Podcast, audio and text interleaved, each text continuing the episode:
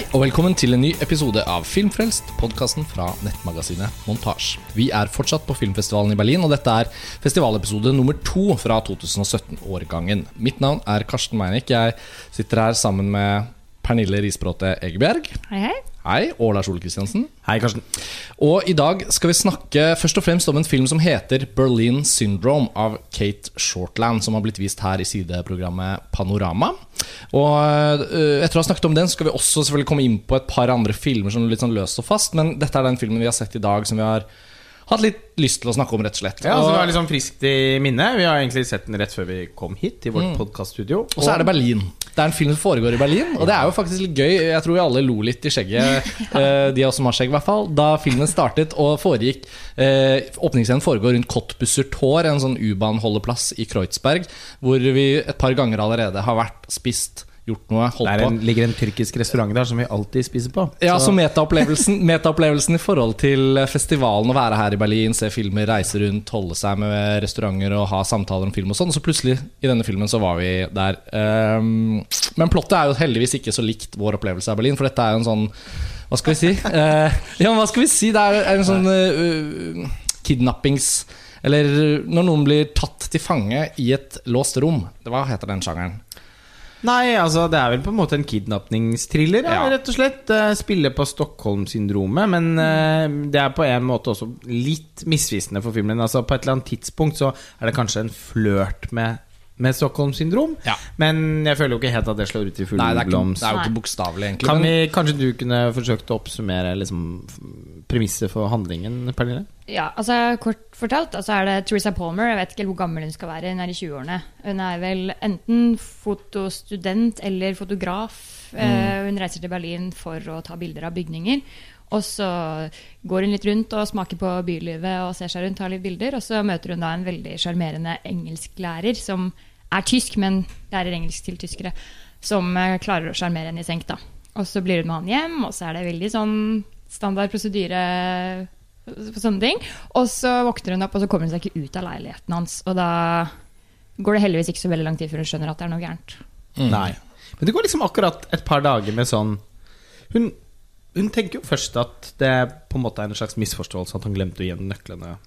Selv om det selvfølgelig er veldig rart at man eh, At det er en leilighet som har den funksjonen at man ikke kan komme seg ut uten nøkkel. Og ikke åpne noe vindu.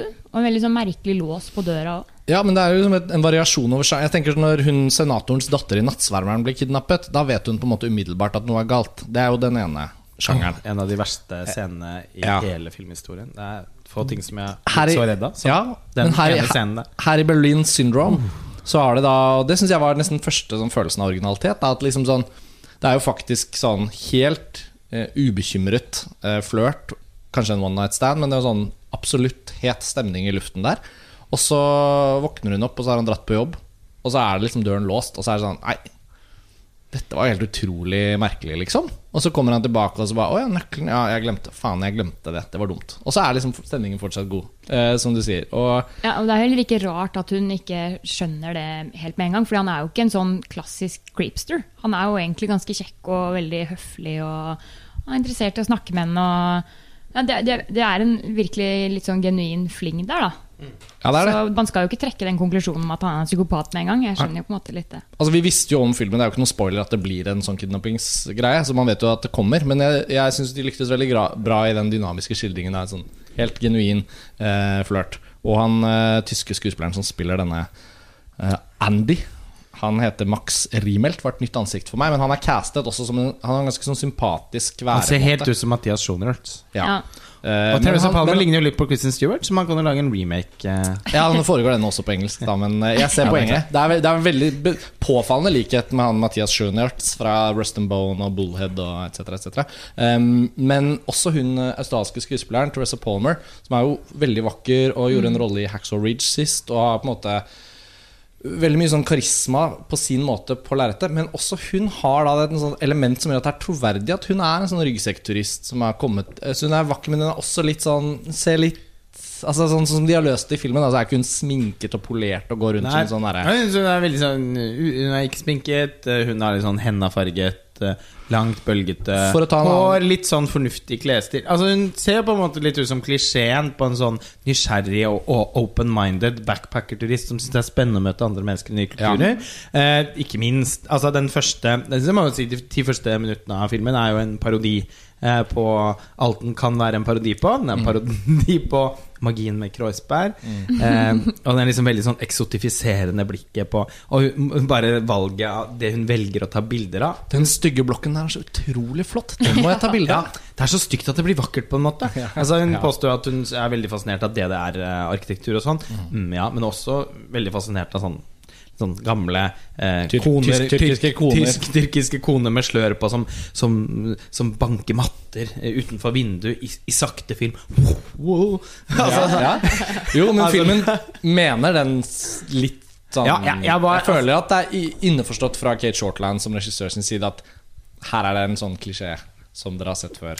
Ja, altså det er veldig vanskelig å skjønne om det er litt Om det ikke er selvbevisst i det hele tatt, om det er litt selvbevisst, eller om det er en, sånn, en ren prank. Eh, hadde, vært, hadde vært gøyest hvis det var det siste, for Ja. da hadde jeg tenkt at hun virkelig naila det. Ja. Eh, også fordi at da blir kontrasten fra den derre eh, på en måte litt sånn romantiske opplevelsen av den utrolige storbyen med den, med den vanvittige historien, Berlin. Mm. Eh, kontrasten mellom det og det helvete Ja, som hun ender opp i, blir jo da også nesten litt sånn komisk. Men filmen er jo ikke på ingen måte en komedie etterpå, da. Absolutt ikke. Jeg tenkte på dette med Cottbuser Tår-realnessen, eh, Pernille. Den er jo på en måte, I tillegg til at den fanger inn denne australske ryggsekkturisten, så, så, tar den jo også miljøet ganske på kornet. Ja, det er jo det er jo ikke vanskelig å kjenne seg når vi nylig gikk der, sånn i går. Nei, nei det var veldig likt. Veldig real. Ja, det var veldig likt. Eh, Kate Shortland, bare for å bremse opp for de som hører på nå, som kanskje ikke er klar over hennes sånn, eh, øh, plassering i regibildet. Hun er en australsk filmskaper. Jeg har dessverre ikke sett noen av de andre filmene hennes før, men jeg vet at hun fikk gjennombruddet sitt med en film som heter Somersault, med Abby Cornish og Sam Worthington. Eh, og så i Norge så var hun jo da på kino med sin forrige film, Lore, eller Lore, Lore. Eh, som er en sånn andre verdenskrigssetting. Dere har begge sett den filmen. Hva, Ja. hva, hva Altså, slags type filmskaper har dere liksom henne Jeg syns det er veldig vanskelig å trekke noen paralleller mellom de to filmene. Hun er Tyskland-fanatiker. begge for Ja, hun kan ikke få nok av Tyskland. Så Men hun er australsk. kan ikke få nok Ja. av det. Og den ble, denne Berlin Syndrome så ut til å være finansiert faktisk med australske penger. Og det var sånn film Australia Victoria-greier. Ja. Um, men ja, nei, altså Og det er jo en, men altså Lore er jo Eller Lore hvor- Er jo en film som eh, tar opp i Altså som behandler tyske Tyske krigstraumer. Eh, Tysk krigshistorie eh, På en fin måte. Det var en, en film jeg likte. Jeg var først og fremst mest imponert over, en, over at den var, den var innmari godt spilt. Mm. En god skuespillerinstruktør Og så var den veldig Den var også veldig sånn slående visualisert Eh, Berlin-syndromet syns jeg jo er mer Altså ser mye mer konvensjonell ut. Eh, I hvert fall veldig lenge. Før den får noen sånn litt sånn underlige scener etterveis, underveis. ja, den, Som, eller etter hvert. Hun forsøker seg jo på noe. Det er jo Jeg tror de fleste av lytterne også er innforstått med at dette er jo en ganske sånn klar sånn sjangerfilm, på sitt vis. Det er liksom først og fremst det som er filmen. At hun er sperret inn i leiligheten. Og man blir opptatt av hvordan skal hun klare å komme seg ut. Kommer hun til å klare å komme seg ut? Kommer hun til å bli smittet av Altså Blir det sånn Stockholm-syndrom-setting hvor hun skifter sympatier og sånn? Eh, eh, filmen gjør ikke noe mer enn det å holde seg i den sjangeren. Men når hun prøver på visuelle grep her, så er det jo liksom ganske sånn hun legger ambisjoner på et nivå som gjør at hun kan gjennomføre. Jeg syns ikke filmen prøver på noe som blir sånn Nei, det fikk dere ikke til. Nei, legger et moderat ambisjonsnivå, Moderat ambisjonsnivå. og klarer å liksom akkurat eh, Uten at det blir liksom sånn overveldende uttrykksfullt, så er det i hvert fall en følelse av innestengthet. Klaustrofobi, da, som hun får til. Syns du den var spennende, Pernille? Jeg syns den var spennende, og nå hadde jeg jo lest synopsiset på forhånd, så jeg visste at det handlet om at hun skulle bli kidnappet av han her. Ja. Men da tenkte jeg liksom, da jeg så den, så hadde det vært litt gøy å ikke vite det. Fordi For å se hvor lang tid det tar før du begynner å plukke opp hinten om at her skjer det noe.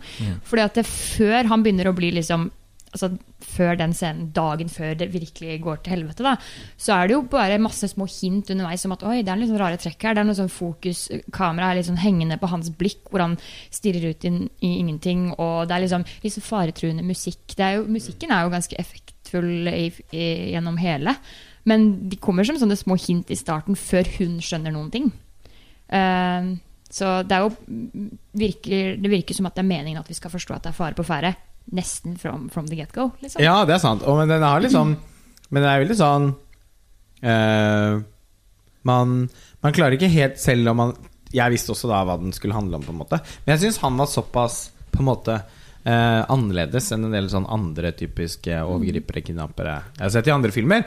At i hvert fall man fikk Man høres nesten perverst ut, på en måte men man ble litt sånn nysgjerrig på hvordan han skulle være en sånn type person på. Ja, fordi han oppfører seg ikke som en sånn totalt 100% bad guy. Nei. Han er det jo. Ja, er men, jo, men han, sånn, Men han- måten han spiller situasjonene på, og måten de liksom For eksempel, da. Altså, Bare det at han faktisk er engelsklærer på en ungdomsskole. ja, ja, For det er han. Det er ikke en løgn. Men selve flørten også har jo den er skildret og fortalt med en sånn genuin følelse av begjær. Altså, Det er ikke noe sånn litt søtt at hun liker han litt, og så blir det noe, og så klipp til dagen etter. Det er jo faktisk De ble umiddelbart veldig sultne. ja, en ganske, sånn, en ganske sånn het sexscene hvor man på en måte også føler at det ligger noe i henne som gjør at hun oppsøker dette. Mm. da vet hun ikke hva som skal skje, selvfølgelig, men sånn, det er ikke en sånn Hun er ikke helt sånn forsiktig, yndig på søken etter eh, Before Sunrise-romantikken. Hun har ikke sett Ethan Hawke og Julie Delpy og tenkt 'Å, sånn vil jeg ha det i Berlin'. Når hun lar seg forføre av han, så er det også et ønske om noe som er litt sånn grov Grovkornet. Eh, jo, men jeg mener det. Det, jo, men det har noe med hvor, det vi snakker om nå. Altså, hvordan, hvordan er filmen geleider oss inn i det som skal bli da en ganske sånn renskåret, en ekstremt slem fyr. Altså For å si det sånn, hun er like sulten på han som det han er på henne. ja, hun er Eh, mer sulten, men så vet jo vi etter hvert at han har jo andre planer. Da. Så da skifter jo det på denne den annen type Han Men har jo en annen type appetitt. Ja. Og det er jo det, det, Og hvordan skal man begynne? Jeg tenker at Man må også snakke litt om hvordan filmen eh, Fordi filmen er jo da veldig glad i å plage henne. Mm. Eh, I hvert fall ganske lenge. Det er, sånn, det er en god halvtime i filmen som jeg føler det har det som hovedfokus. Å enten kle av henne eller plage henne på Noe sånt. ulike måter. torturlignende Ja, sånn helt forferdelig scene med sånn fingerknekking og Ja, ja. eh, Og, Den at Hvis denne filmen hadde vært laget av en mann, så er jeg litt usikker på hvordan man ville opplevd altså sånn blikk og sånn, mm. Ja. Fordi den er på en måte veldig mange av de tingene som man typisk sett ville kritisert en, en film i den sjangeren for. Eh, samtidig så virker det liksom også som om filmen er så, liksom, ikke er helt interessert i å bry seg om å være noe annet enn bare altså sånn fri i sin grusomhet. Fordi eh, ting som Altså som det som skjer i filmen, det er jo Det skjer jo faktisk, det. Så eh, jeg prøver ikke å si at filmen på, på noen som helst måte er realistisk, men den har bare en sånn Altså Det er så utrolig mange merkelige og gærne og forferdelige folk at eh, de tingene han gjør er på, Jeg føler heller ikke at de overgår noe av det man leser om i avisene eller Altså sånn Så det er selv om jeg realistisk, på sett og vis. Nei, så Sånn sett så er den jo på en måte Den er ikke mer spekulativ enn den trenger å være. Nei. Men det er noe spekulativt over hele liksom, premisset til filmen. Mm. Liksom, fordi det er jo også tidenes dølleste idé. Altså Den er jo laget tusen millioner ganger før. Ja. Man kunne jo laget en remake av filmen og så ikke blitt anklaget for å ha, Laget en remake. for å ha laget ja. en remake. Det er jo, kanskje hun har egentlig laget en remake. Det er uten at hun Ikke sant? Eh, Altså, sånn, det er sånn tidenes dårligste Sykt uoriginalt premiss for en sånn For en film. Og, og jeg føler ikke at hun ut men, men, men altså, nå skal jeg komme til noe mer. Nå høres jeg veldig neg- negativ ut, men jeg er jo, jeg, for jeg er jo ikke det. Og det er rett og slett fordi at den var veldig spennende. Da. Filmen er god. Ja, altså, den, den er, var- jo, men den er jo det. det. Jeg tror alle tre var ganske enige om det. Eh, Men eh, jeg ser poenget ditt. Altså, det er også en av mine sånn iboende skepsiser mot å liksom oppsøke sjangerfilm som ikke er blitt allerede hyllet til å være liksom, noe helt, sånn, helt spesielt. Så føler jeg jo også at det er Det er en sjanger som oftere enn mange andre sjangere, eller kanskje synligere, eh, tar i bruk eh, uoriginale grep og ideer for å bare levere mer av det samme. Og jeg syns dette er en film man kan liksom anbefale fordi den bruker dette premisset til å skape en spennende setting. Det er ikke originalt. Men måten hun løser det på Og jeg syns også det er veldig Det er deilig å se sånne filmer hvor spillet og sånn er sånn ordentlig bra. Troverdig. Veldig bra spilt. Eh, Teresa Palmer Særlig av henne. Ja, hun er virkelig altså, Det må vi jo snakke litt om. Altså, hun, hun, får, jo, men hun får jo en ordentlig rolle å spille, men den har ikke så mye, det er ikke så mye i den. Men hun gjør veldig mye ut av den. Eh, og jeg syns hun er bra brukt i filmen også fordi hun, hun eh, Måten å bli handlekraftig da på underveis. Uten at vi skal gå inn på liksom andre halvdelen og siste tredjedelen av filmen, så føler jeg i hvert fall at hun, eh, hun bærer den utviklingen veldig bra. Litt sånn. Blake Lively-takter fra Shallows. Altså litt, Ja, den har ikke jeg sett, men eh, det er kanskje en bra sammenligning. Ja, men Den sterke, kule dama som har eh, bærer mye Altså er mye for seg selv, ikke får kommunisert så mye med noen. Kommuniserer gjennom kroppsspråk, ansikter. Altså Du må være litt dyktig for å kunne eh, komme gjennom med det. Hun er jo veldig mye alene i filmen, og gjør mye alene. ikke sant? Mm. Så jeg syns hun klarte det veldig godt. Og hun forsøker seg jo med Stockholm-syndrom, eh, bare i en slags reversert versjon. Mm. Eh, for hun er jo bevisst på det når hun gjør det, så derfor føler jeg ikke helt at det egentlig er et tilfelle av Stockholm-syndrom. Nei. Nei, hun er nok smartere enn det. Ja, Ja. sånn. Iscenesatt Stockholm-syndrom. Ja. Ja. Posert Stockholm-syndrom. Nei, men også har hun jo en del litt sånn eh, Altså Hun tenker liksom Det er en del av de tingene hun Løsningene som hun jobber med, som er litt sånn langsiktige. Ja. Fordi hun innser at Jeg må jo innrømme at jeg flere ganger tenkte eh, Som vi snakket om etter filmen òg, Pernille. Altså hvorfor kunne hun liksom, liksom ikke helt en Her hadde du et kjele vindu, med liksom. kokende vann? Ja, for, Det er ganske mange av de vinduene mens vi ser filmen. for måten hun er innesperret på, bare for å si det til eh, de som hører på, er jo også at han leker jo at de på en måte bor sammen. Ja. Sånn at hun har jo på en måte fri tilgang på Bortsett bare fra de gangene hvor han er fotokunstner. Ja, da, går det jo da blir det litt mer uh, En sånn slags vag kobling til Han er ikke så opptatt, Klimt, ikke så opptatt av Instagram, men han er veldig opptatt av polaroid. Ja, det er han. Ja. men, uh, Og eh, Gustav Klimt. men fordi at han Og det er hun, han spiller, Så det er sånn de nesten møtes. Han har jo også tatt henne for å, for å ha henne uh, eh, i et hverdagslig spill.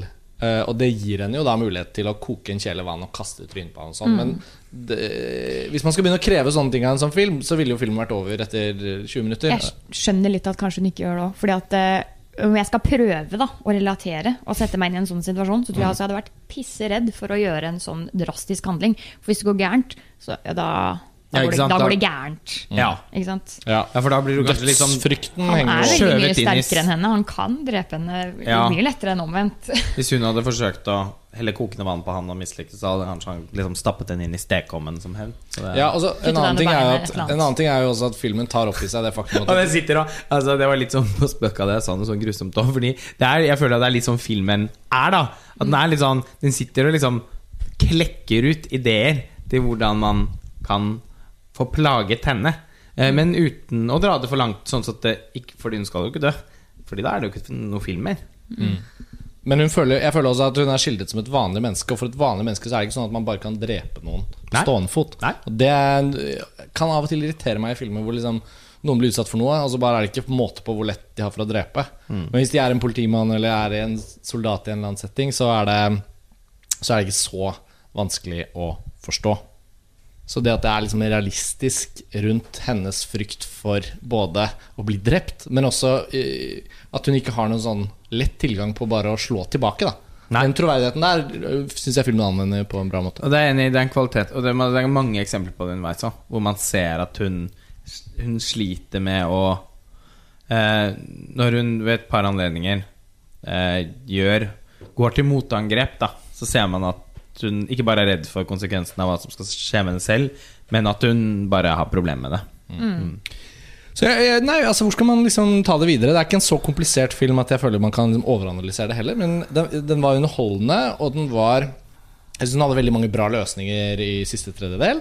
Så da filmen var ferdig, så kjente jeg at jeg var veldig tilfreds med den. Den er riktignok 116 minutter, eller hva det var, nesten to timer. Jeg vet ikke med dere, men jeg følte jo at den kunne, den kunne jo funnet noen måter å være kortere på. Jeg har et par tanker på om eh, hvordan Par den- Ja, men jeg har et par tanker om, om hvordan den kunne vært bedre, gitt dens lengde. Mm. Eh, så er det et par ting vi kunne ha skrellet bort, og heller kanskje lagt inn noen små hint, eventuelt bitte lite grann slags forklaringer, bakgrunnshistorie på hvorfor han er som han er. For jeg tenkte at jeg ble jo ikke kjent med han. Det altså, virker som at han hadde et ålreit forhold til faren sin, det lille vi så. Eh, Det var ikke noe Altså Jeg plukka i hvert fall ikke opp noen sånn store traumatiske greier fra hans fortid. Et eller annet Det manglet bare litt, litt forklaring. Jeg vet ikke. Jo, nei, altså Noen hint? For å ta en spoiler, da, eh, så kan dere Men da hadde det vel blitt en lengre film? Ja, men altså Ja, det er det. Jo, men eh, for de som ikke vil ha en spoiler, så kan dere mm, hoppe noen minutter frem i podkasten. Men jeg føler det er litt sånn greit å snakke om når vi først er inne på det, da. Eh, sånn jeg forsto det, så var det jo noe med moren. Og hun hadde dratt fra dem. Hun hadde okay. forlatt dem. Men noen av de polaroidbildene i den boken hans føltes jo som om det var en ganske mye eldre dame. Okay, Så jeg lurer på om han kan han ha hatt et utbrudd mot sin egen mor i forhold til Oi. et eller annet, og så Ja, for det var noe, henne, det var noe det var disturbing det i Ja. det fotoalbumet. Ja. Men jeg må innrømme at jeg slet litt med å catche hva Ja, det egentlig var. Ja. Og så var det denne massasjestolen som så litt sånn Cronenberg-aktig ja, Men det var et veldig bra visuelt grep, og, og det var deilig at det ikke ble forklart heller. Den bare var der. Mm. Da, var, da, da begynte det jo å ligne en sånn skikkelig skrekkfilm. Ja, Det likte jeg kjempegodt. Og likte det veldig godt at ikke det ble forklart heller. Så, men, Ja. ja. Så de hintene vi fikk var gjennom fotoalbumet, og hvis det er sånn som du sier, da, som det mest sannsynlig kanskje er, så er det jo veldig mørkt. Ja, det er veldig mørkt. Og jeg følte liksom at hans eh, balanse mellom å holde fasaden, holde på jobben, holde på det vanlige forholdet til faren sin, mo mot det mørke han dyrket, da. Og at det har vært flere jenter der før og sånn. Altså sånn eh, Ja. Og han prøver å motkjempe å være pedofil. Det, ja, og så er det sånn det, det, mørke, det mørke han dyrket det er, noe, det er jo også noe med den er filmen som er litt sånn grunnleggende dårlig òg. Ja, det er rett på video. Det. det er en rett på videofilm. eh, men den er, helt, den er bedre enn mye annet som går på kino. Ja, for misforståelsen er og veldig mye bedre video enn mye seg selv er dårlig. Nei. Det kan være så, Bra rett på video sånn skikkelig klokken 11 om kvelden rett på videofilm, når Ja. du ikke trenger å se noe som skal utfordre deg nevneverdig, men bare har lyst på en litt sånn enkel, underholdende, kanskje litt drøy spenning, Mm. så, er, så oppfyller denne veldig mange krav som man stiller til den slags. Mm. Og, eh, og altså, den er jo mye bedre enn annet søppel man har sett. I det vises jo alltid mye dårlige filmer i Berlin. Det har sikkert lytterne våre fått med seg før. Når vi har klaget Ja. på Filmfrelst. Ja, men vi, vi sa det vel rett etter visningen. Da, sånn, dette er en sånn Når en så spennende og ganske bra laget egentlig sjangerfilm sniker seg inn i et sånt festivalprogram, så er det jo for sånne folk som også da ser tre-fire filmer eh, per dag, og mye av det er sånn festivalfilm. Tidvis kan det være sånn pretensiøse kunstneriske forsøk som bare mislykkes i alt. Da blir det jo som en sånn frisk pust å få se en litt sånn spennende, ordentlig film. Kan man Ja, si? Og det, det Berlin film. Syndrome fylte jo veldig den funksjonen. Men det er jo ikke, det er ikke så lett å liksom dra filmens kvalitet så høyere opp i noen andre uh, uh, Hva skal vi si kvalitetssjangere. Men, Det men den er altså også sånn Men det kan sånn Det er ikke noe jeg kommer til å kjempe for, eh, men den er også sånn kan godt få norsk kinodistribusjon. Hvis noen har lyst Tenk til så mange å nordmenn som har dratt på tur til Berlin. Jeg mener, Det burde ikke være vanskelig å selge inn denne. ja, altså jeg tenker først Tenk så mange som, vil se, som hvis de velger å se den på kino, vi, sånn- vi synes at Oi, den var spennende. Men Ta The Shallows, da, den uh, filmen eh, du refererte til, eh, Pernille. Jeg har ikke sett den, men det er liksom Blake Lively ja, sitter på et skjær med hai og en måke, liksom. Uh, I forhold til den, for eksempel. Hvor, hvor står eh, Berlin Syndrome eh, hvis dere skulle sammenligne de to? Ja, ingen av filmene Altså De har det jo til felles at de sånn dypest sett er litt sånn banale og, og egentlig komplett uoriginale i sin Ja. slags subsjanger. Ja. Men de har det også til felles at det funker. De er det, veldig underholdende, begge to. kjempe. Jeg var nok mer begeistret for Shallows bare fordi Jean Colette Serra har en litt mer sånn Det er, det er mer filmskaping, syns jeg, i den filmen. Selv om det har noen sånn ut, eh, men, altså, Og den føler jeg syns jeg faktisk er litt selvbevisst òg, i sin sånn Den har en sånn Den har en del sånne veldig glatte elementer som jeg ikke kan skjønne at det ikke er ment å være eh, LOL, på en måte. Mm. men eh, mens denne her Og også er jo også Denne var jo liksom Den er litt mer ufin, eh, Berlin Syndrome, men eh, helt, helt klart anbefalesverdig hvis man tar det for det, for det det er. Eh, vi får egentlig, tenker jeg, bevege oss eh, videre til noen andre titler som vi har sett da Ja. på festivalen. Både Jeg er åpen for det. Jeg Bra, føler dårlig. liksom at Det er Berlin altså- Syndrome er litt dekket. Den er dekket nå, men Mm. dere har jo altså jeg, jeg vet at begge dere har hatt glede av en sånn Den som jeg bare konsekvent kaller for den jødisk ortod ortodoks jødiske Ja, ja, filmen. ja. Menage er det vel den heter? Ja, Vi kan godt starte der. Jeg tenker det fine nå på Menage, Menage ja, på ha, ja, jeg skal gjøre et forsøk på Ja. den tittelen Ja. snart. Men jeg tenker ja, enig. På halen av denne podkasten kan det være greit å bare gå innom litt sånn ting man har sett, som ikke kanskje kan være emne for en sånn lang prat. Vi, la oss starte der, absolutt. Eh, Den amerikanske dokumentarregissøren Joshua Z. Weinstein. Jeg vet ikke om han er beslektet med Harvey Weinstein, men uansett. Han gjør en eh, Jeg tror det er faktisk hans fiksjonsdebut, eh, som hadde premiere i Sundance Menage. Og jeg tror man må si det på den måten fordi det er hovedpersonens navn, og det sies et par ganger i filmen.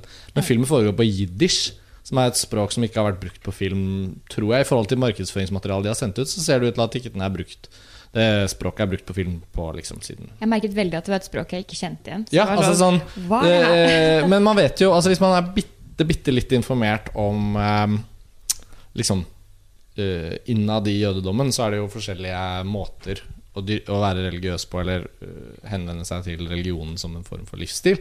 Og den uh, jødisk-ortodokse, liksom hasidiske jødene, som man ofte ser i New York, kanskje oftest I Williamsburg. ja, I Williamsburg og i Brooklyn så er det noen sånne lommer av veldig sånn tett befolkede asidisk-jødiske områder. som Særlig, det er noen, noen gater i Williamsburg der hvor man Det er Ja. nesten som å komme til et annet Ja, og det, det er en veldig fascinerende del av turismen i det hvis man drar litt rundt i Brooklyn. Da, at det, øh, er jo ganske fascinerende fordi øh, de hasidiske jødene har jo en veldig sånn visuelt fremtredende måte å være eh, religiøse på, eller sitt folkeslag. De har veldig spesielle klær og hatter og hårstil, skjeggstil, ikke sant? Og, og kvin mange av kvinnene er jo barbert og har sånn parykker. Og så tenker man er det sånn Amish? Nei, det er ikke Amish. Og, så, man og jeg kjenner jo at ja, Det er veldig sånn- fascinerende fordi man vet ikke så mye, for det er litt sånn lukket, og de har veldig Klær som er fra 40-50-tallet. Og, og, og noen av de hattene som mennene går med, ser ut som sånne enorme lampeskjermer. Ja, med, sånn, eh, med sånn Det derre pelsdyret i Tony Erdman-aktig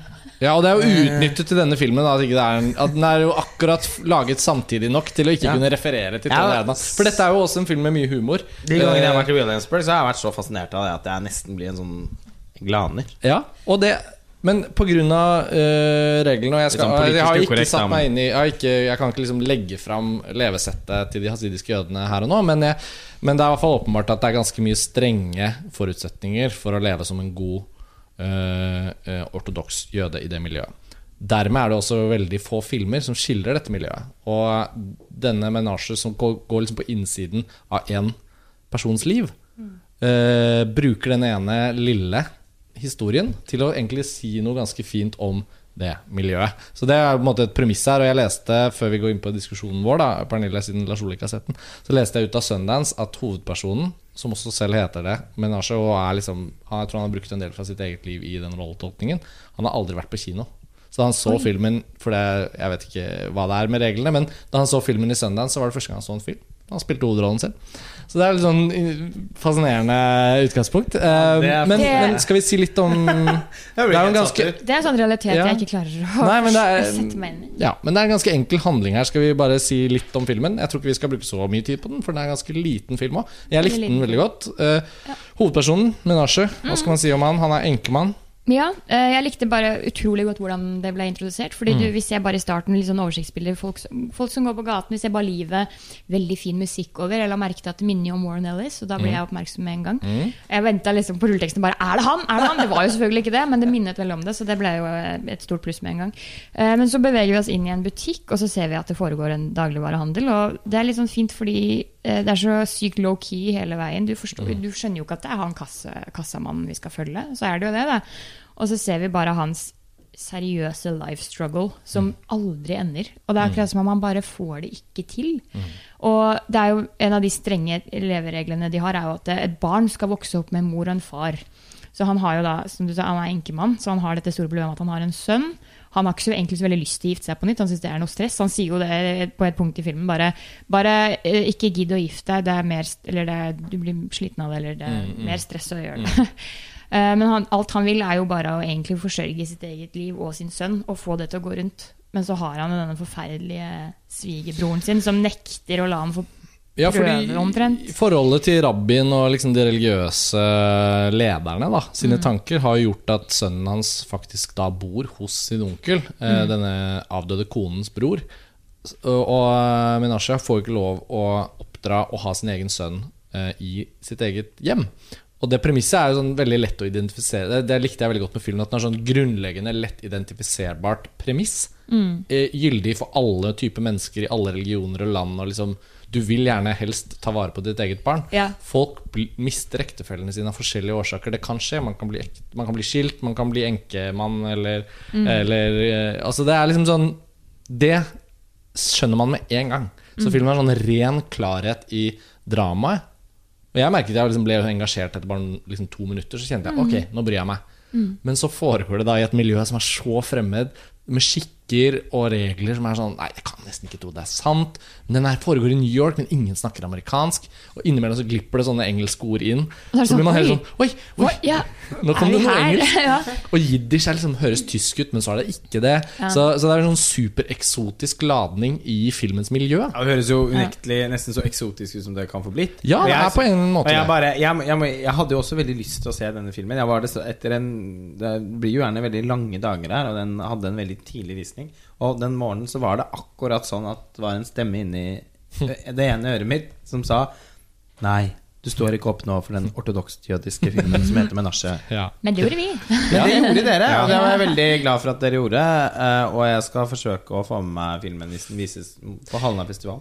Ja, og det, Eh, jeg, fikk, jeg fikk veldig lyst til å se den, både gjennom hva dere forteller nå og har fortalt meg tidligere, men også liksom bare Det er jo Det høres unektelig ut som Film kan noen ganger være på sitt Ikke nødvendigvis beste som kunst, filmkunst, men eh, på sitt mest sånn herlige når den kan liksom ta oss til steder som vi aldri har vært før. Mm. Det høres så veldig ut som en sånn film. Jo, men sånn litt sånn naturfilmens kvalitet, da. Uten sammenligning for Rett og øvrig. slett. Altså at man, Eller hva skal man si, sånn antropologisk film. At man kommer inn i et miljø, og han har så åpenbart bakgrunn fra dokumentar, fordi eh, estetikken i filmen eh, grip, og Darden-brødrene, som jeg skal til å trekke inn, har også bakgrunn fra dokumentar. Og noen ganger så merker man det på en filmskaper at evner å bare, på en måte bare være der. Og at nysgjerrigheten til filmskaperen ikke bare er manusets dramatikk, men også bare sånn små detaljer. Måten noen lager en brødskive på, uh, måten de tar av og på seg klærne, svetten de har i pannen. Altså sånne, Som alltid er der. ja, detaljer i livet som kanskje en dokumentarist Kanskje på grunn av de Tony Erdman-hattene?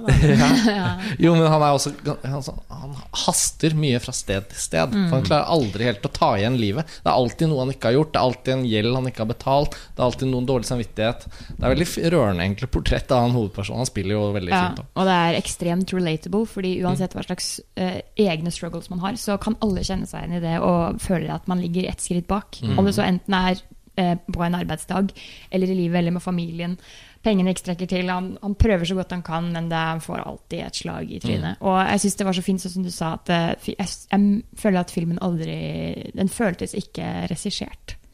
Det var veldig Om ikke flue på veggen, for det var liksom veldig nært, så var det veldig observ observerende Ja, den, visuell stil, da. Ja, ja, det var det. Og, og, og så har den egentlig ikke så mye av et plott, og det hjelper jo også. Det er situasjoner, og det er, og det er veldig mange fine refleksjoner som kommer frem i dialogen, men du føler ikke at det er liksom påtrengende. Så det manuset som eventuelt er skrevet her, har på en måte hele tiden blitt stilt i andre rekke i forhold til miljøtroverdighet og spill og sånne små detaljer. Og sånt. Den er veldig fin. Og så er det det med at den har en sånn veldig sånn fin book-ending. da For Du snakket om den åpningsscenen um, hvor man ser bare mange folk som går rundt på gata i Brooklyn.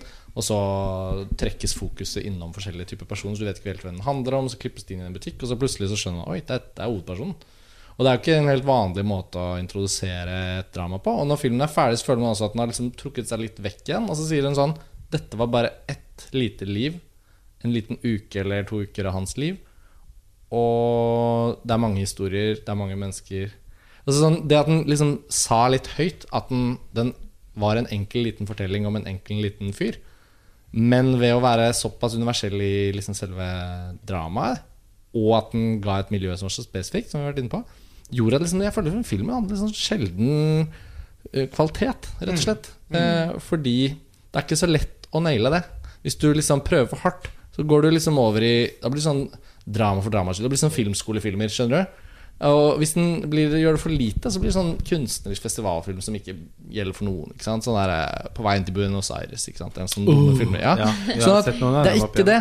Den er akkurat det mellompunktet. Og det er selvfølgelig ikke en film som er like sterk som de beste Darden-brødrene-filmene. Og det er en annen amerikansk independent regissør som heter Ramin Barani, som lagde et par veldig bra filmer i starten av karrieren sin.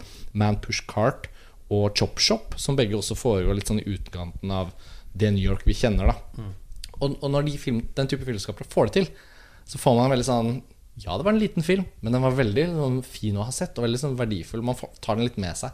Jeg syns Menasje er i den kategorien. Så Men etter Menasje eh, så hastet dere av gårde til eh, for å møte meg Ja. eh, på visningen av The Dinner. ja. Ja, vi kan jo fint bevege oss videre til en annen film, og dette er jo en annen måte å snakke om film på. Ja, vi så The Dinner. Hvor skal vi starte med den? Ja, hvor skal vi starte? Pernille, du er jo da Det må vi jo bare melde til lytterne. Du er den eneste av oss som har sett Som egentlig har rett til å uttale deg, fordi du har sett hele filmen. Fordi jeg ble filmen. hele de fulle to timene Vi og ni gikk etter 40 minutter. Og det er så sjeldent. Det skjer altså, veldig sjelden. jeg har sett tusenvis av filmer. Jeg kan huske to ganger jeg har gått. Laila Fori og denne? Nei, det må La- ha vært flere. Nei, Laila Fori, Ja. som også var i hovedkonkurransen i Berlin for noen år siden. Også i, i fjor, så fordi jeg hadde et ledig øyeblikk, så gikk jeg inn på en pressevisning av en sånn dokumentarfilm fra et sånt kulldriftprosjekt i eh, Chile, eller noe sånt.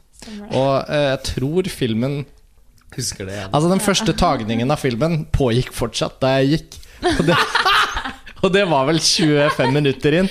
Og da følte jeg tenkte sånn det kan, Jo, men rent Og vi som elsker longtakes! ja, ja da, men det, den var ikke, det var ikke, et- Det var ikke det var ikke bevegelig kamera, en for å si det sånn. De Palma longtake. Nei, nei, jeg vet, Nei. Ikke til forkleinelse for den filmen, men jeg visste da jeg gikk inn at jeg antakeligvis Det måtte være utrolig bra for at jeg skulle se hele. Så det er de to jeg kom på, da.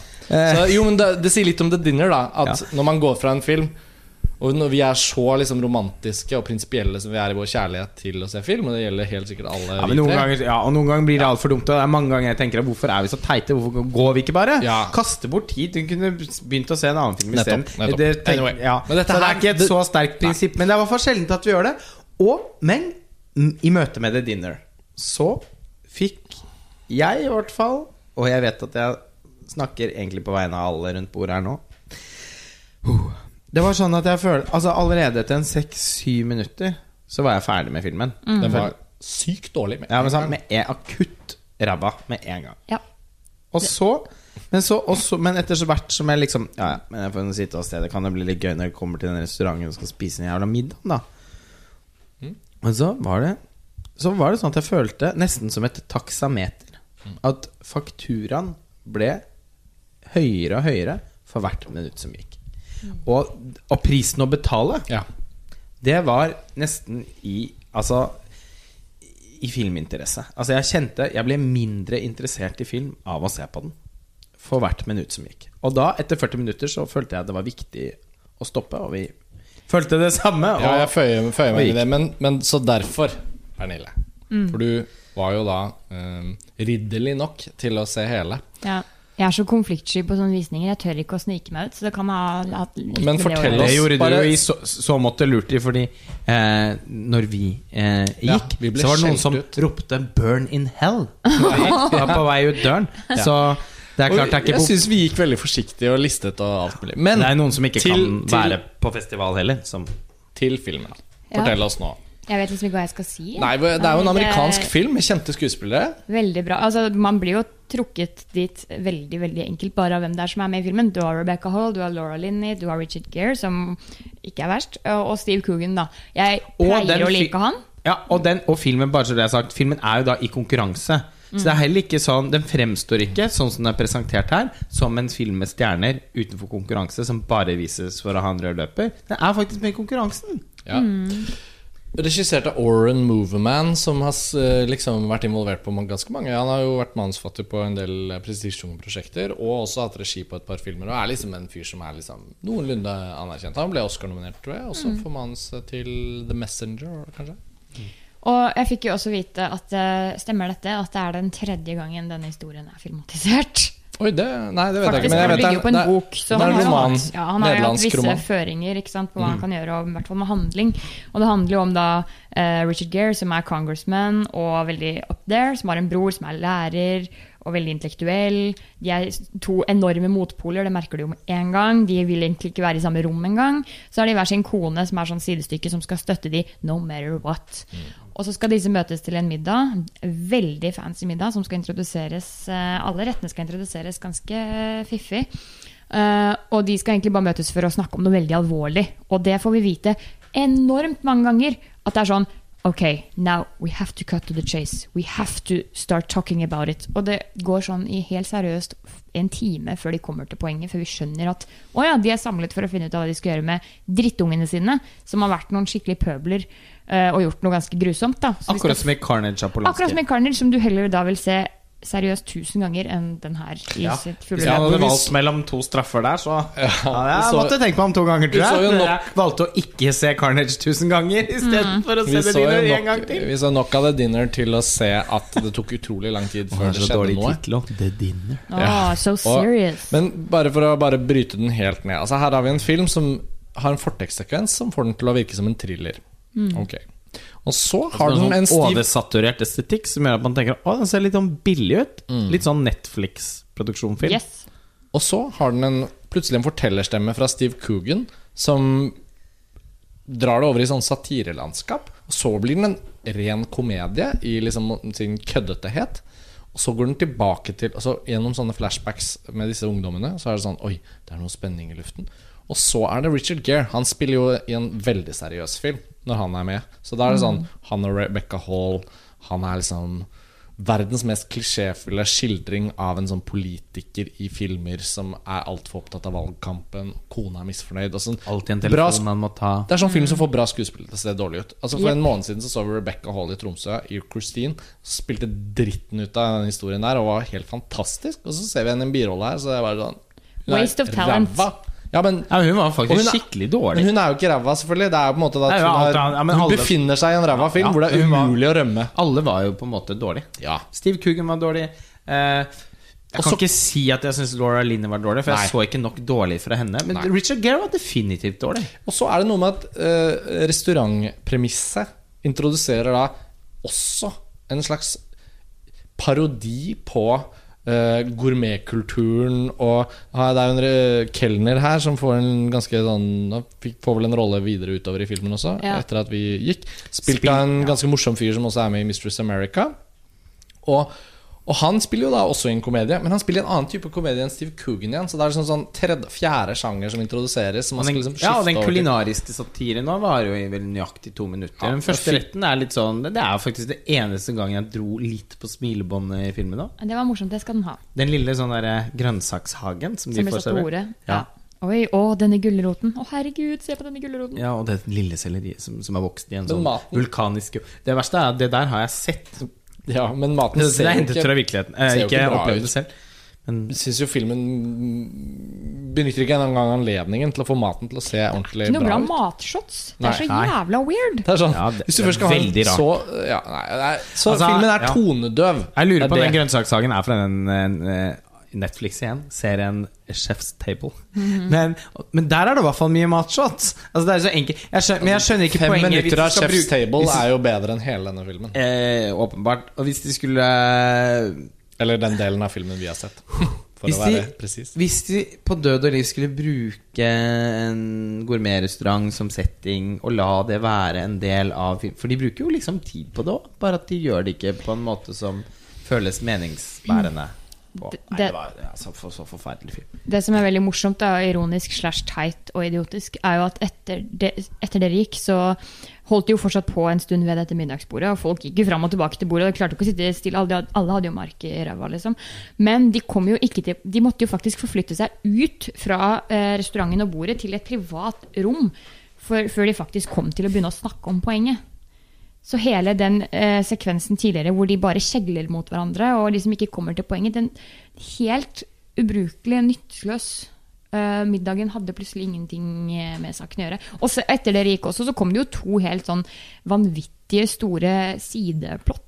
Eller liksom sånn store sidefortellinger som også skulle ha enormt mye plass. Det var noe lungekreft, og det var noe eh, mye vekt mot noe rasisme. Og det, det var liksom ikke måte på hvor mye konflikter du skulle putte inn i en sånn pakke, da. Ja, det høres helt jævlig ut hva som skjer etter at vi gikk òg. Jeg... Slutten er også helt jævlig. Jeg skal ikke si det, Fordi det kan jo hende det er noen der ute som dør etter å se denne filmen. Plutselig støter man på den på et fly fire år senere, og så er man litt lei seg for at man har hørt plottet. Og så er man glad i The. Trip. Steve Coogan. Oi, han er i en, ja. film som heter The Dinner. Åh, Ja, poenget er bare å unngå denne filmen Ja. for enhver pris. Og jeg tror ikke det er så veldig mye Vi har jo en annen skuffelse vi kan komme litt inn på. Den er det riktignok bare Lars Ole og jeg som har sett, men i hovedkonkurransen så er det også blitt vist en, eh, en ny chilensk film fra en regissør som heter Sebastian Lelio. Som hadde en film for et par år siden som heter Gloria. Den var også i Berlin og vant prisen for beste kvinnelige skuespiller, tror jeg. mange som liker veldig Og ble distribuert på kino i Norge. Og det var en sånn film som glapp for meg. Kom den? Ja, den gikk på kino i Norge, og den Ja. glapp, glapp for meg to-tre ganger. Og så Ja, for den glapp for meg òg. fortsatt, gl fortsatt gloppet. Mm. Glippeti glapp, glopp. glapp, og han har en ny film på Berlinalen i hovedkonkurransen som heter eh, La Mujer Fantastica. The Fantastic Woman. Og den var en sånn Det var jo en veldig sånn klassisk um, festivalfilm på mange måter. Den er fra, eh, liksom, den er fra Latin-Amerika, den er fra Chile. Den har veldig klare sånn kunstneriske premisser. Det er veldig sånn åpenbart ambisjonene for settingen og filmen, og den har en tematikk som ofte er, dukker opp i festivaler. da. Her er hovedpersonen er eh, en transkvinne, som da har vært mann, og som nesten er ferdig med å bli en kvinne, på en måte. Og som er sammen med en eh, Hun har jo funnet kjærligheten på mange måter i livet. Um, og han er en litt eldre mann, og i liksom åpningen av filmen så, så dør han. Han får et hjerteinfarkt eller et eller annet. Så dør. Og filmen handler om konsekvensen av at hun da må forholde seg til hans familie, hans konservative familie, sine reaksjoner på henne, på det samlivet de har hatt, hennes eksistens i hele prosessen. De vil ikke ha henne i begravelsen, de vil ikke ha noen ting. Og det er et slags karakterportrett, kan man kanskje si. Men, men, eh, men det var ikke en film vi endte opp med å sette så veldig pris på. Nei, det, det, er, det er en film som har blitt veldig godt likt, og jeg tror jeg årsaken til det er at uh, den vises i hovedkonkurransen. Og der er det uh, alltid mange dårlige filmer, in inkludert sånne absolutte bunnfilmer som The Dinner. Og siden mange av kritikerne i Berlin bare uh, går på de visningene i Festivalpalasset, og ikke setter seg så veldig godt inn i hva som er i sideprogrammene, og føler at det blir en for lang vei å gå, og bare følger strømmen inn der til Berlinale Palast tre ganger om dagen, så blir det faktum at denne filmen er vellaget og har en viss kunstnerisk touch en så positiv ting at filmen oppleves som virkelig god. Uh, og nå skal ikke, skal ikke vi Det er mulig at det er å like den for andre. Absolutt! det må vi åpne for. ja, bare, jo, men det, men det er litt av For å si det sånn, da hadde filmen vært i hovedkonkurransen i Cannes i fjor, så Ja. hadde den ikke fått den mottakelsen som den har fått her. Nei, som, er, som er liksom Oh, it's an amazing fant, uh, Hvis du står skulder til skulder Fantastic film about a fantastic woman. ja, Hvis du står skulder til skulder med liksom L, The Handmaiden etc., etc., etc. Og American Honey, så tror Ja, jeg at den Jeg kanskje den. ikke Fortsatt ikke fått sett den. Nei. så jeg. Så- men, Nei, men altså, her i Berlin så er det mye lettere Ja. å se ut som en veldig bra film. Ja, det er det jeg mener. havner- Og den blir sånn Jeg bare, jeg syns det er så flaut. Ja. Ja. Når sånne filmer som blir sånn der Oh my god, har dere sett den?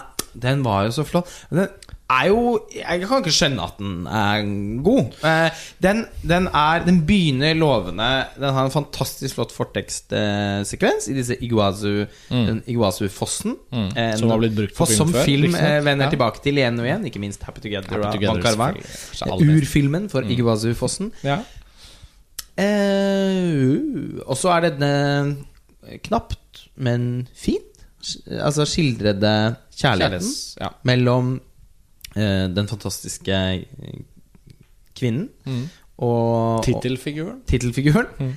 Og han som skal dø. Eh, kjempefint.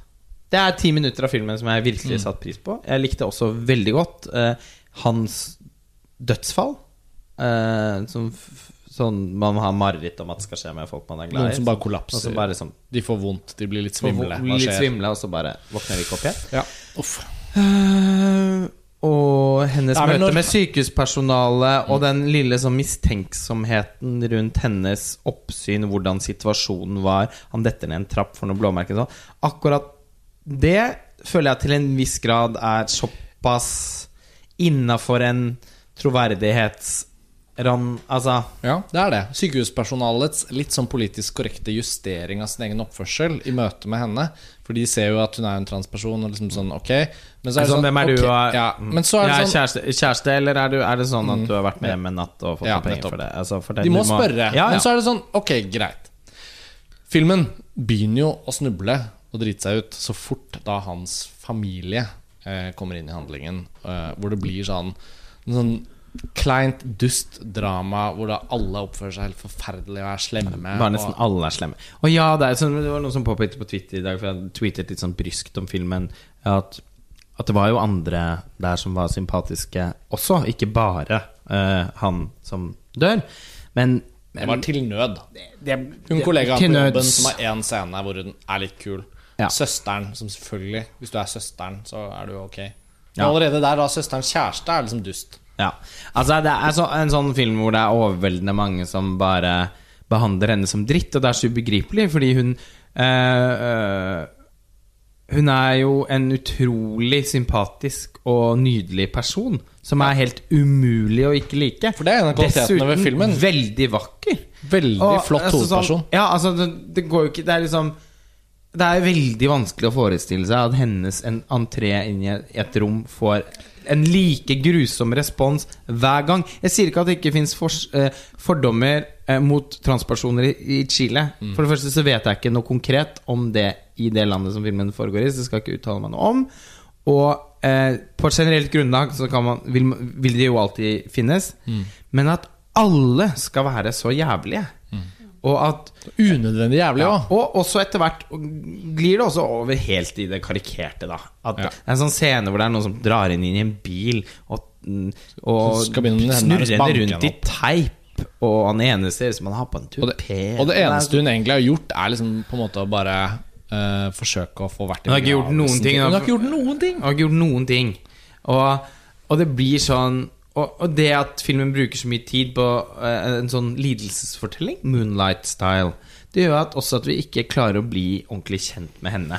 Hun har jo, i motsetning til han gutten i Moonlight, da, som ikke har noen andre egenskaper enn å være lidende uh, uh, I hvert fall ikke i store deler av fortellingen. Så har jo hun her noen egenskaper. Hun er ganske handlekraftig. Hun, hun er sanger. Eh, sånn delvis talentfull, vil jeg si. Veldig og sterk ryggrad. Kjempe. Altså hun er utrolig flott. lar seg ikke liksom brekke av noe. Jævlig flott skikkelse. Så man blir sånn åh så, Med en gang. eh, liksom, bra på en måte av. Blir veldig tatt av henne. Mm. Men eh, Men den klarer liksom ikke å by på noe mer Altså enn det man får tilgang til de første ti minuttene. Og så blir det bare sånn Og så syns jeg faktisk også at filmen var rett det, Og det er ikke ofte jeg sier om en film, men jeg syns den var pretensiøs. Det var noe med den veldig sånn kunstneriske uh, pff, Påståeligheten i bildene. Ja, altså Det var noe Det sånn, sånn, blaff av Lawrence Anyways og sånn der med noe vindkast og noe ja, det må, vi må jo komme inn på det. Altså, Dolans, Lawrence Anyways eh, De som leser og følger montasje, vet at vi holder den filmen veldig høyt. Den endte jo ikke opp med å få regulær kinodistribusjon i Norge engang til å være et så eh, tindrende mesterverk. Og Sebastian Lelio han har sett Lawrence Anyways. Ja, det si sånn. han. Det når han har, skal lage en film om en transperson i Chile, så er det sånn å, er det ikke kult i den scenen i Lawrence Anyways hvor det og det skjer? Hva med det visuelle motivet som uh, Xavier Dolan lyktes sånn sykt godt med? Det må vi også gjøre. Og så kommer det sånne merkelige sitater. Det er som å sitere noe i en tekst. Og så er det sånn, ja, men du har, bare, du har jo liksom sitert det han sa, men du har ikke brukt de samme ordene. Du har liksom skrevet om. Da blir det ikke et sitat. Da blir det liksom bare dust. Du kan ikke liksom ta et sitat av Martin Luther King og så liksom reformulere det og så si sånn Ja, var ikke det kult å si? Liksom, ja, men jeg mener det litt sånn Ja. For å være litt streng med Lelio her, så syns jeg liksom at det blir, det blir dumt. Uh, det er ikke laget mange gode filmer om transpersoner. Og Nei, det er det faktisk ikke. han burde vært litt Gått litt mer for sine egne eventuelle da visuelle ideer enn å, enn å nappe ting Hva når det blir i kombi med det som jeg etter hvert syns blir en veldig flat eh, dramatisk og bare uengasjerende fortelling, så endte den filmen litt i null. Ja. Men uh, har- Ikke for å gi deg en altfor lang pause, Pernille, men jeg følte da Hvis vi skulle snakket om Fantastic skal- Woman, så måtte vi gjort det nå. Ja, for det var ikke noe poeng å lage en egen podkast om det. Men Nei. kan ikke du nå snakke litt om den derre eh, til avslutnings, Helt avslutningsvis Den Sally Potter-filmen? Åh, den var jo så fin. Det, Ja. er, det er nesten sånn at den fortjener at dere ser nå at dere er med. Fordi det er det, det, Ja. Men noe av grunnen til at du trekker din lille stol, er vel at vi skal av gårde og se denne filmen nå, rett etter dette opptaket. Og uh, The Party, er det vel Mm, det den Party, heter? ja, ja. Eh, den virker jo ganske sånn lovende, for den har Mm. et ganske kult premiss, og den er veldig sånn Den er kort. Ja, Men fortell oss liksom, hva, er det, hva er det som gjør at du anbefaler den så sterkt? Åh, det er en herlig liten Med en gang du ser at det er en film som er 71 minutter lang, så blir det sånn Yes! Og så er det It's not gonna waste my time. Veldig fin, eh, fin eh, svart-hvitt film, faktisk. Ikke at jeg forsto helt hvorfor altså Det eneste grunnen regissøren ga for det, var at eh, ja, men mange av hennes favorittfilmer var i svart-hvitt. Og Det er sånn greit nok det. Det var, det var veldig pent. Uh, og det var, ikke noe, det var ikke det at jeg savnet noen farger, egentlig. Men det handler om et veldig uh, vi, vi blir kjent med I starten så er det Timothy Spall, er gift med Kristen Scott Thomas. Og vi forstår veldig fort at hun har uh, vært så hun Jeg tror hun har blitt ny helseminister i, i, i England, og det er liksom veldig big deal. Det, så The Party er jo da en slags dobbeltbetydning for altså The Party, det politiske partiet, og at de skal da ha en fest for å feire hennes eh, eh, store win. Eh, og så kommer det masse gjester på besøk, bl.a. en veldig stressa og kokainelskende Killian Murphy.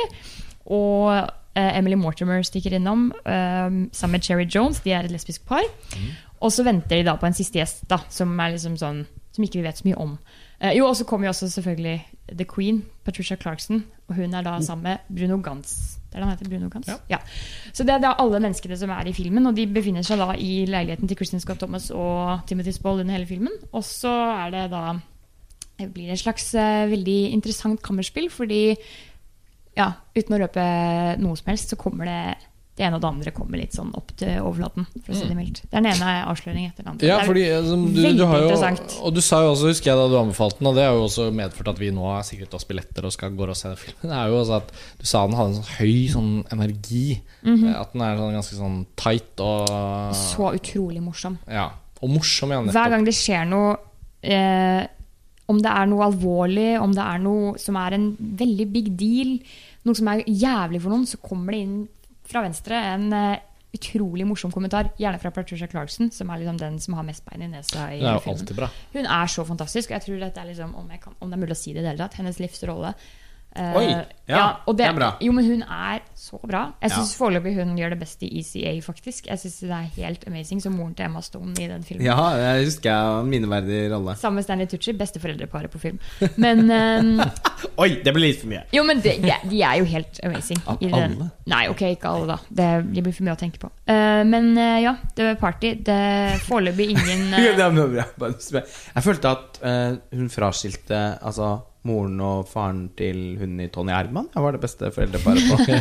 den dynamikken mellom dem på den koldtbordet Men det er jo en bra sjanger, da. Beste mm. Foreldrepar. Det kunne vært Det en kan bra vi snakke om en gang. Ja, det kunne vært en morsom Ja, ja. podkastepisode.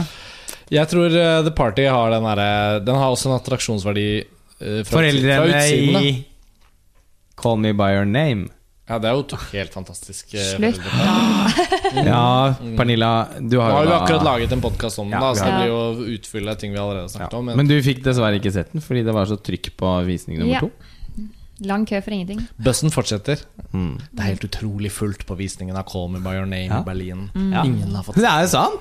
ja. Okay. Nei, Vi får avslutte, men, eh, men jeg, det blir gøy å se The, The Party. Ja. Vi skal gå og se den. Sally Potter, mest kjent for Orlando fortsatt. Eh, film med Tilda Swinton fra tidlig på 90-tallet. Lagde en fin film for få år siden som het Ginger and Rosa, med Ja, Al Hanning. nettopp.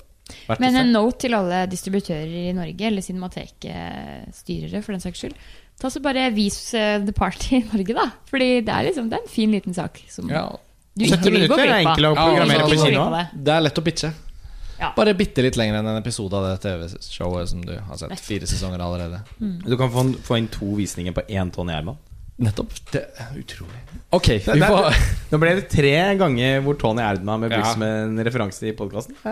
Kan vi ja, Det er lov. Det er lov. Vi er i Tyskland. Det er marinade. Ja. Vi får avslutte. Pernille, godt å ha deg på podkasten, som alltid. Lars Ole, vi får takk for denne gang. Eh, Det er ikke siste festivalpodkast. Vi er straks tilbake. Eh, Og takk for at dere hører på. Ha det bra. Ha det. Ha det.